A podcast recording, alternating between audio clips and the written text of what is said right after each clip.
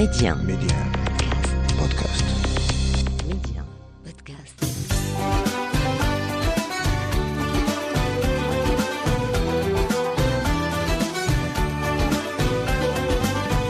أهلا ومرحبا بكم إلى عدد جديد من لالا بلادي أرض الخير والخصب والبركة ونواصل اذا معكم هذا الموعد الذي نتوقف فيه دائما مع مكامن الجمال والثقافة والتاريخ التي تزخر بها المملكة.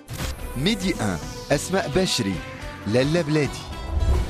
لالا بلادي تجول بكم في خفايا التراث الشعبي المغربي والذاكرة الغنية بالقصص والأمثال والحكايا التراث الشعبي المغربي بكل ألوانه وأبعاده الحضارية والتاريخية وبصنفيه المكتوب والشفوي المتعدد الأصول. وحكاية لالا بلادي اليوم من مدينة يقال إن من يلوذ بها من الغربة لا يغادرها إلا وهو غريب بعدها. وجدا يا النوارة يا بلاد شحال من والي.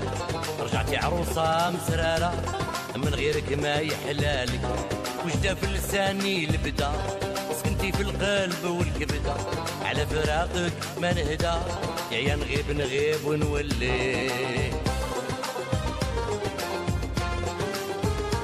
هي مدينة وجدة. إذا عروس الشرق مدينة التاريخ والحضارة مدينة العلم والفرح ومحطة فارقة في طريق نيلسون مانديلا ومحمد بوضياف وغيرها. حكايتها يتحدث لنا عنها الدكتور بدر المقري الباحث الأكاديمي.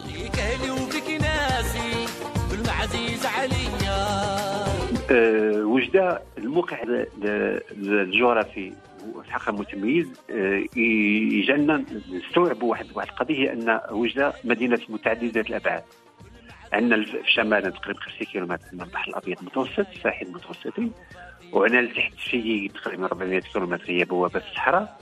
وعندنا همزة وصل بين المغرب والجزائر. فهذا الموقع المتميز دائما اجعل يجعلني أقول بأن وجدة آه، يعني تختصر عبقرية الزمان. وعبقريه آه، المكان. وهذه عبقريه الزمان وعبقريه المكان مرتبط ليس فقط بالتاريخ مرتبط بالتاريخ ومرتبط بالجغرافيا ومرتبط بما لا آه، يدرك. لقيت على الاسم تاع وجدة. وجدة ما معنى وجه حمر هذا الاسم من أين ما هو مشتق واحد قديما بعد لا أساس له من الصحه خصنا نحيدوها من الطريق. يقول لك هو وجدة سميت وجدة لأن هذا الذي قتل المولى ادريس في 177 هجرية ضبط متربصا في مدينة وجدة فوجد فيها فهو سميت بمدينه وجدة. هذا لا أساس له من الصحه لأن هذا المصدر التاريخي يذكر هذا القضية يقول لك ودي آه، وجدة كانت تسمى مدينة آه، الحيرة. اذا وجدة اذا أن تسمى الحيرة وكان اللي عطانا واحد التأويل مدينة الحيرة من حيث انها مدينة حدودية والقلق والشكل مدينة الحيرة بمعنى مدينة فيها الجداول والمياه والوديان هذا الشيء اللي كاين. والقصد هو أن هي هو الواحد سيدي هي والواد سيدي هذه الحاجة الأولى. المسألة الثانية أنه ملي يقول لك أنه في 177 هجرية ضبط فيها هذاك الذي سليمان بن زيد اللي قتل فسميت وجده وهذا لا أساس من الصحة. اذا وجده أقدم من زيد بن عطية. معنى ان الرواية السائدة بحال خاصنا نحيدوها هي أن زيد بن عطية ما بناش وجدة. جدد البناء في 384 هجرية 994 ميلادية. وهنا وجدة أقدم بكثير. فلذلك من خلال مقالات علمية من خلال الوثيقة أن وجدة في حدود دنيا كانت موقعا رومانيا تسبق حتى الفتح الإسلامي. ولحد الآن عاد بقي عندنا واحد الجامع سميتو جامع سيدي عقبة الذي ينسب إلى عقبة بن نافع. وعقبه بن نافع اقدم من زياد بن عطيه فلذلك أقول في الحدود الدنيا فيما هو مدون في المصادر الفرنسية أن وجدة على الأقل كانت موقعا رومانيا. فلذلك أقول بانه من أوجب الواجبات أننا نستثمر هذه الذاكرة التاريخية الخاصه لمدينة وجدة. أقول لو أدرك الناس القيمة التاريخية المتميزه لمدينه وجده لكان بإمكاننا أن نجعل مدينه وجده وجهة سياحية ولكن بشرط لمن كان يؤمن بالسياحه الثقافيه يا بلاد شحال من جامع موجودة في كل مكان. وجدة يا النوارة يا بلاد شحال من والي. رجعتي عروسة مسرارة من غيرك ما يحلالي مدينة وجدة تتميز بتلاقح العادات والتقاليد المغربية والجزائرية ما يضفي عليها دائما طابعا مغربيا فريدا. المدينة العتيقة لوجدة تختزن رصيدا تراثيا غنيا ومتنوعا يعكس طابعها التاريخي العريق.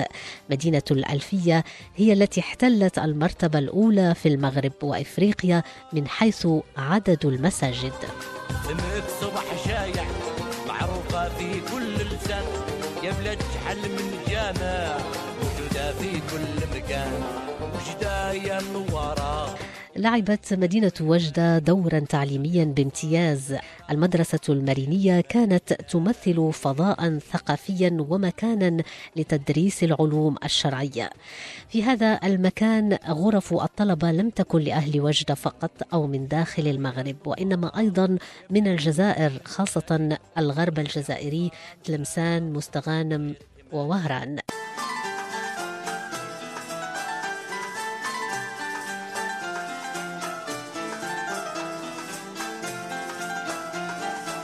حديقة المتحف المعروفة بحديقة الأميرة للا مريم بنيت على جوانب بقايا السور العتيق المريني وبها يقام المهرجان السنوي الدولي للطرب الغرناطي والذي يعرف حضورا دوليا ومغاربيا. لسوق الذهب بمدينة وجدة قيمة ثقافية وحضارية. به كانت توجد ساكنة يهودية مهمة ومعظم هذه العائلات وردت من مدينة إشبيلية. طبعوا وتطبعوا أيضا على التقاليد المغربية حتى ذابوا في نسيج جمع كل الأطياف والأعراق. هنا في هذه المدينة الحكاءة تتقاسم الديانات السماوية الثلاث وليا واحدا ضريح سيدي يحيى بن يونس. يزوره منذ مئات السنين يهود ونصارى ومسلمون. وإلى اليوم يعتبر مزارا لأعداد هائلة من يهود العالم. إذا تعلق الأمر بواحد سيدي يحيى أقترح لتكون مقاربتنا مقاربة آه، موضوعية. للابعاد الآتية. هناك اولا البعد التاريخي. من هو سيدي يحيى الذي يتعلق اسمه بهذه الواحه التي كلما ذكرت إذا ذكرت معها مدينه توجه وهناك روايات متعددة ولكنها كلها تتقاطع في أنها مجرد روايات شفهية. قصدي إلى أنه ليس هناك ما هو مدون ولا موثق. فلذلك هذه مجرد فرضيات الفرضية الأولى هو أن البعد الآخر هو التسامح وهو أنه بالنسبة للمسلمين أن سيدي يحيى بن يونس هو أحد حواري سيدنا عيسى عليه السلام وجا لمدينة وجدة وحتى الطريقة يعني يعني أشبه بأسطورة هو أن هذا سيدي يحيى بن يونس جاء من المشرق وخلى الناقة كثيرة فيما حطت غادي تكون تما أرض البركة وهذاك الذي حدث فلذلك دائما هناك يعني الصورة النمطية لواحد السيدي هي ان انها أرض المعطاء أرض خصوبة يعني هذه الرمزية خصها تؤخذ بعين الاعتبار. اذا هذه هي الفرضية الأولى. ثم هناك الفرضية الثانية أو الرواية الثانية وهي رواية يهودية. وهذا اللي قصته بأن يعني أن سيدي يحيى برمزيته وبأسطورته اذا هو واحد المساحه آه، تشترك فيها مرجعيات دينية متعددة. فلذلك بالنسبة للفرضية الأولى هو أن الأمر يتعلق إذا برمزية مسيحية نصرانية هو أن سيدي يحيى بن يونس هو أحد حواري سيدنا عيسى. ولكن هذه الرواية لحد الآن في إطار شفاهي أن المسلمين هم يحملوها ثم هناك الرواية أو الفرضية اليهودية هو أن الأمر يتعلق أن سيدي يحيى بن يونس وأن اسمه الحقيقي هو يحيى بن دوسة. وشكون هو يحيى بن دوسة؟ هو أحد الأحبار اليهود. غابة اللي جا بالضبط من جهة كاتالونيا. جا بالضبط ونزل في هذه الأحوال تاع مدينه فغادي تولد من الواحه تاع سيدي يحيى. جا في 1391 ولكن نعاود مرة أخرى اذا اخلاقيه المعرفة. ما كاينش شي حاجة مدونة وموثقه فلذلك اكتفي بهذه الفرضيات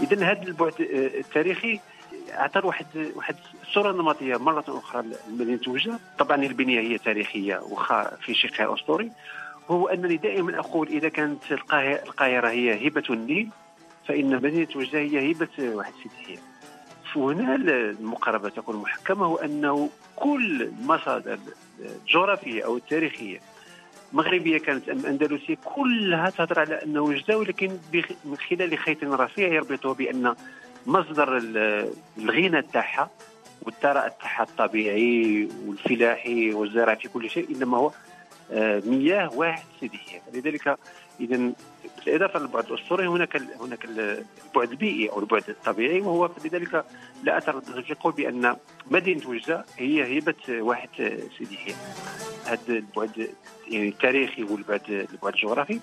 ممكن من باب إقامة الحجة مثلا آه، أن البكري الجغرافي الاندلسي المعروف في القرن الخامس القرن الحادي عشر الميلادي يهضر على وجدة وأحسن في وصفها وهضر على هضر على ال- على الواد. الواد والقصد إلى واد سيدي يحيى آه، غادي نمشيو مثلا ليون أفريكان. ليون أفريكان الحسن الوالد الفاسي اللي توفى في 1550 اذا هو في القرن العاشر القرن السادس عشر ميلادي عاود مي يهضر على وجدة والثراء تاعها والغنى تاعها في رحيان وفي المناظر الطبيعية يهضر على يقول يمر بها. واد هذا كل واد هو واد سيدي يحيى. وحتى بالنسبة للمصادر باش ما ننساش حتى بالنسبة للمصادر الأجنبية. مثلا كاين واحد الكتاب معروف في مصدر تاريخي وجغرافي هو إفريقيا. المؤرخ الاسباني معروف سميتو آه، مارمور كار- كاربخال. مارمول كاربخال مات تقريبا في 1600 ميلادية. عاود يهضر على وجدة ويهضر بين قوسين يعني في صل- صلتها ب- بهذيك الواد. والواد هو واد آه، سيدي يحيى. فلذلك في هذه المساله من نجوا بين البعد الاسطوري ومن بعد التاريخ والبعد التاريخي والبعد الجغرافي. هذا اللي يجعلنا نقولوا أنه حتى لحد الآن تقول شي واحد وجدة يقول لك شايل لها سيدي يحيى لذلك أقول بأن وجدة هي هبه سيدي يحيى ولكن باش يعني ما نكونش هكا مثاليين غادي ننزلوا شوية نتمشوا على على رجلينا هو ان أن هذه الواحه سيدي يحيى آه، كانت بخصوصيات آه، طبيعية آه، مرتبطة بال- بالفروش المائية لنات وهذه هذه الفروش المائية هي اللي جعلت أن هذا سيدي يحيى هذا الفضاء كان يعتبر آه، واحة. واحة. آه، طبعا قديما كانت آه، تقريبا موجودة على بعد 6 كيلومتر حتى 8 كيلومتر اليوم ولات جزء من من ما, ما تبقى من واحد سيدي يحيى. فلذلك من نهضروا على هذا يعني البعد الطبيعي أو البعد خصنا نعرفوا بان ان أن هذا الواد تاع سيدي يحيى اللي في حقه هو اللي يحرك الدواليب تاع الواحد تاع سيدي يحيى كان كان يعني الغالب عليه هو أن كان العرض تاعو 4 متر. كان ولكن ما يقول بأن وجدة هي هبة آه، سيدي يحيى هو أن في سنة 1931 كانت السواقي اللي تسقي مدينة وجدة بالمنازل والعراصي اللي كانوا والبساتين اللي كانت فيها كان 54 كي- كيلومتر من السواقي تاع سيدي يحيى. الأكثر من ذلك أن المارينيين هنا بنا في مدينة وجدة واحد الحمام معروف لحد الآن إما يقولوا له الحمام البالين حيث أن المارينيين بناوه في 696 هجريه 1296 ميلادية الوجاد يقولوا إما يقولوا الحمام البالي بحيث أنه قديم ماريني أو يقولوا حمام سيدي يحيى علاش؟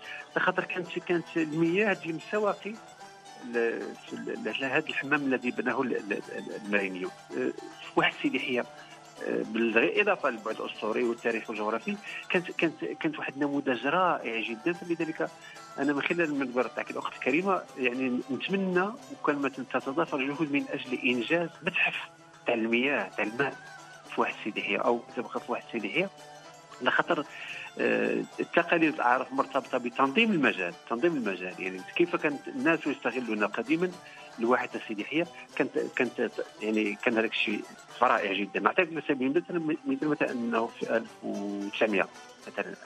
بدايه القرن العشرين كانت عندنا الصبي تاع المياه تاع واحد يحيى هو 40 لتر في الثانية ال- ال- الواحده وكان يسقي ما يفوق 900 هكتار. باش نعرفوا يعني علاش؟ أن وجده هي هبه آه، سيدي يحيى ثم أمر آخر مرتبط بقضيه تاع تنظيم المجال يعني واحد سيدي يحيى باش تكون نشوفوها يعني الوجهه اللي ربما يخفى على كثير من الناس هو أنها كانت كانت مرتبطة بال... قلنا بأنها كانت سواقي ساقيات 54 كيلومتر ولكن مرتبط حتى بالتاريخ بالحموله التاريخية. علاش؟ لخاطر كان واحد المصب واحد المصب تاع السواقي تاع تاع الواحد تاع كانوا يقولوا له الوجهه الذكري يقولوا له جلده القوادس. وفي الحقيقة هذه جلده القوادس كانت عبارة الأخت كريمة كانت عبارة عن سد أقامه المارينيون في القرن الثامن آه، الهجري فلذلك أنا من الداعين دائما إلى أن نتصالح مع ذاكرتنا التاريخية وهذا اللي جعلني نقول بأنه خصنا نتعاونوا باش يكون واحد المتحف تاع الماء. خاطر كيف نجسم مثلا أن قلده القوادس كانت عبارة عن عن مصب وهو في حال الاصل تاعها كانت سد ماريني مثلا الناس كيفاش كيف كانوا كيف كان أهل الوجه يستعملون النواعر يعني كنت قلت شي واحد النعورات قد يقدر يعرفها ويقدر ما يعرفهاش ولكن لو جسمنا كل ذلك في, واحد المتحف تاع الماء تكون حاجة آه، كبيرة. أمر آخر خصنا نذكره هو كانت هناك طريقة غريبة جدا كيف كان أهل وجده يقسمون المياه تاع سيدي حيه يعني أنا نهضر على قرون مضت. وكانوا يستعملون في ذاك كانوا يستعملوا الهندسة وكانوا يستعملوا الحساب والفلك. علاش؟ بحال مثلا كان قسموا المياه تاع سيدي حيه بواحد الدقة بعض ما كانش بالساعة اليدوية ما كانش آلة تقنية ولكن رغم ذلك كانت التوزيع تاعها آه، توزيع رائع. تعلق الأمر وهنا حتى من الجانب المعجمي خصنا أن الواحه تاع سيدي حيه كان تسقى بها بالمياه تاعها كانت تسقى الجنانات والعراصي. والناس تاع وجد البكري كانوا كانوا كانوا يميزوا بين العرصة وبين بين الجنان. العرصة هو البستان اللي يكون داخل أسوار مدينة وجده والجنان هو البستان اللي يكون خارج آه، مدينة وجده هنا الشيء باش يذكر آه، من خلال هذا المنبر القيم هو أن آه، خص الناس يعرفوا بأنه كانوا إلى حدود إلى تقريبا الاستقلال. حتى ال 1956 كانت هناك بورصة الماء. la bourse de l'eau كانت ما معنى بورصة بورصة؟ كانت المياه تباع في سوق الدلاله مثلا واحد الجنان خاص واحد الحصة تاع الماء كانت هناك كانت la bourse كان سوق الدلالة وكان المكلف بتقسيم المياه كان يتسمى اما يتسمى إما قايد الماء أو عامل الماء أو قسام الماء. بل أكثر من ذلك لحد الآن واحد العائلة سالت ذكر الركبان في مدينه وجه تعرف بعائلة قسام الماء؟ خاطر جدودهم توارثوا هذه المهنة أنهم كانوا يشرفون على تقسيم المياه بطريقة دقيقة آه، جدا. هذا ضمن المجال من خلال مياه واحد سيدي هي مرتبط بواحد الأمر آخر مثلا تاع آه، الفلاحي. التقويم الفلاحي الناس في واحد سيدي كانوا يعتمدون التقويم الفلاحي. التقويم الفلاحي بحال مثلا أنه آه، الصمايم الصمايم كان مثلا تدخل 25 يوليو هذا التقويم الفلاحي. أنا في 30 أكتوبر مثلا كانت كانت الحرث وهكذا دواليك. ثم واحد البعد الآخر هو هو البعد القيمي. هو البعد القيمي وهنا يعني فيما كيف ترتبط واحد سيديحيه من خلال الأعراف والتقاليد التي كانت سائدة بمنظومة القيم. هنا نحيل واحد المساله لا أساس لها من الصحة. البعض يقول ان أن واحد السيديحيه كانت فضاء للتسليه وللراحه والاستجمام خاصة بالفقراء وهذا لا أساس له من الصحة. كان الناس كانوا كانوا يمشيوا كانوا مرفين وفقراء آه، ما كاينش هذه القضية انها خاصة بالفقراء؟ ولكن أنا ما ألتقطه يعني أين تتجلى القضية تاع منظومة القيم في واحد سيدي حيه الناس كانوا يمشيو الراحه والاستجمام. الراحه والاستجمام إما كانت تكون في الخيام في القياطن أو كانت كانوا دي شالي دي شالي وهنا الناس كيتصور هذا لي شالي وهذا هذا القياطن على اننا عندما نتحدث عن واحد سيدي حيه اللي يعني كانت توجد على على مسافة 6 حتى 8 كيلومتر. يعني لشده المجال الأخضر كانت كانت بعض الجهات تاعها كانت مظلمة لشده يعني المساحة الخضراء. هذه القضية تاع البعد القيمي أين يتجلى؟ يتجلى فيما ياتي هو أن الناس كانوا يدركون القيم الجمالية. الناس كانوا يعرفوا قيمه الطبيعة. الثقافة البيئية كانت مرتبطة حتى بالأسرة. كانت طريقة جميلة في أننا نحافظ على نحافظ على البيئة. ثم هذه المنظومة القيميه من خلال الخيوط ترتبطها تربطها بالتقاليد ولا الأعراف. في واحد آه، سيديحيه هو مثلا أنه إلى عهد قريب كان العرس الوجدي. لا يمكن أن تقوم له قائمة. لا النساء ما غسلوش الصوف تاع العرس واحد سيدي ابدا. خص دائما يكون هذاك غسل الصوف في واحد سيديحيه ثم أضيف أمر آخر وهو هو أن أن الوجادة في واحد سيديحيه كان عندهم جوج تاع تاع التقاليد الاجتماعيه كان عندهم واحد كانت عندهم الوعدة. الوعده تاع سيديحيه ولكن في بعدها آه، الاحتفالي مرتبط بالاحتفاء بخصوبة الأرض. يعني هذيك الغله من تجمع الغله كانوا يحتفلوا كانت كانت وعده تاع سيديحيه وكانت في الغالب تكون في في بداية الخريف. ولكن الناس نسى واحد القضية واحدة أخرى في إطار ما ما دونته من رواية شفهية هو أنه كانت هناك واحد واحد واحد الاحتفال في واحد سيديحيه كانوا الوجاده يسميوه المهرجان. هكا بفصحى المهرجان كان يكون 24 يونيو. وهنا مسألة يعني غريبة جدا هو أنه من آه، قرأ الكتب الخاصة بتاريخ آه، الأعياد والاحتفالات في الأندلس أنه كان عندهم واحد العيد في 24 يونيو سميوه المهرجان فلذلك كان بالنسبة لي أن أهل واحد سيدي يحيى في 24 يونيو جوان. يحتفلوا بالمهرجان. اذا هذا هو البعد الآخر للجذور الأندلسية الهويه الثقافيه لمدينة وجده ثم هناك أمر آخر في قيد عن منظومه القيه وهي سلطنه البا سلطنه البا هو أن أن كانت عندنا في التعليم العتيق في المدرسة المرينية في مدينة وجده وهذه هذه العادة كانت دامت حتى 1947 الإدارة الاستعماريه الفرنسية منعتها منعا باتا هو أنه كان الطالب الناجي اللي يجيب شي شي حاجة يكون شي مهندس إلا بغينا نقولوا مزيان ويكون طالب ناجب كان هذا الطالب يحتفى به لمدة ثلاث أيام في واحد يحيى فيما يشبه سلطنه الله وهذيك الأموال اللي كانت مثلا تغدق عليه بين قوسين شي حاجة كانت تقتنى بها كتب وتحبس على الخزانه تاع الجامعة الكبيره الماريني آه، في مدينة وجده ثم هناك البعد الثقافي والفني. هذه مسألة غريبة جدا. البعد الفني ما علاقته الفني بواحد سيدي هو أن أول جمعية الموسيقى الأندلسية في المغرب قاطبة هي الجمعية الأندلسية الوجدية اللي تأسست في سنة 1921 إذا عندها قرن وعام.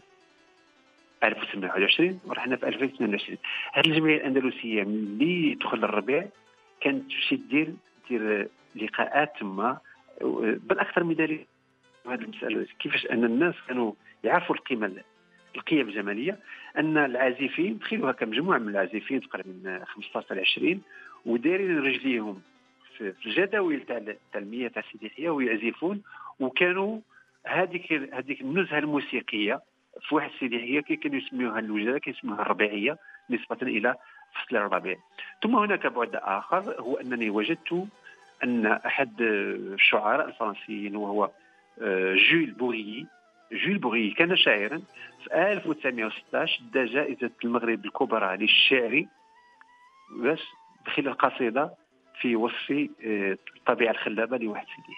هذه هي بس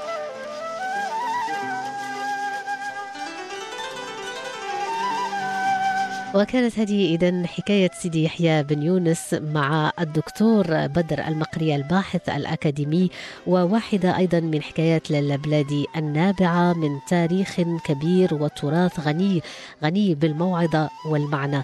التراث المغربي الذي ليس له حدود لكثرة ما جمع على أرضه من ثقافات وحضارات. وهو دائما إن غنى طرب السامع وإن حكى بطل الكلام.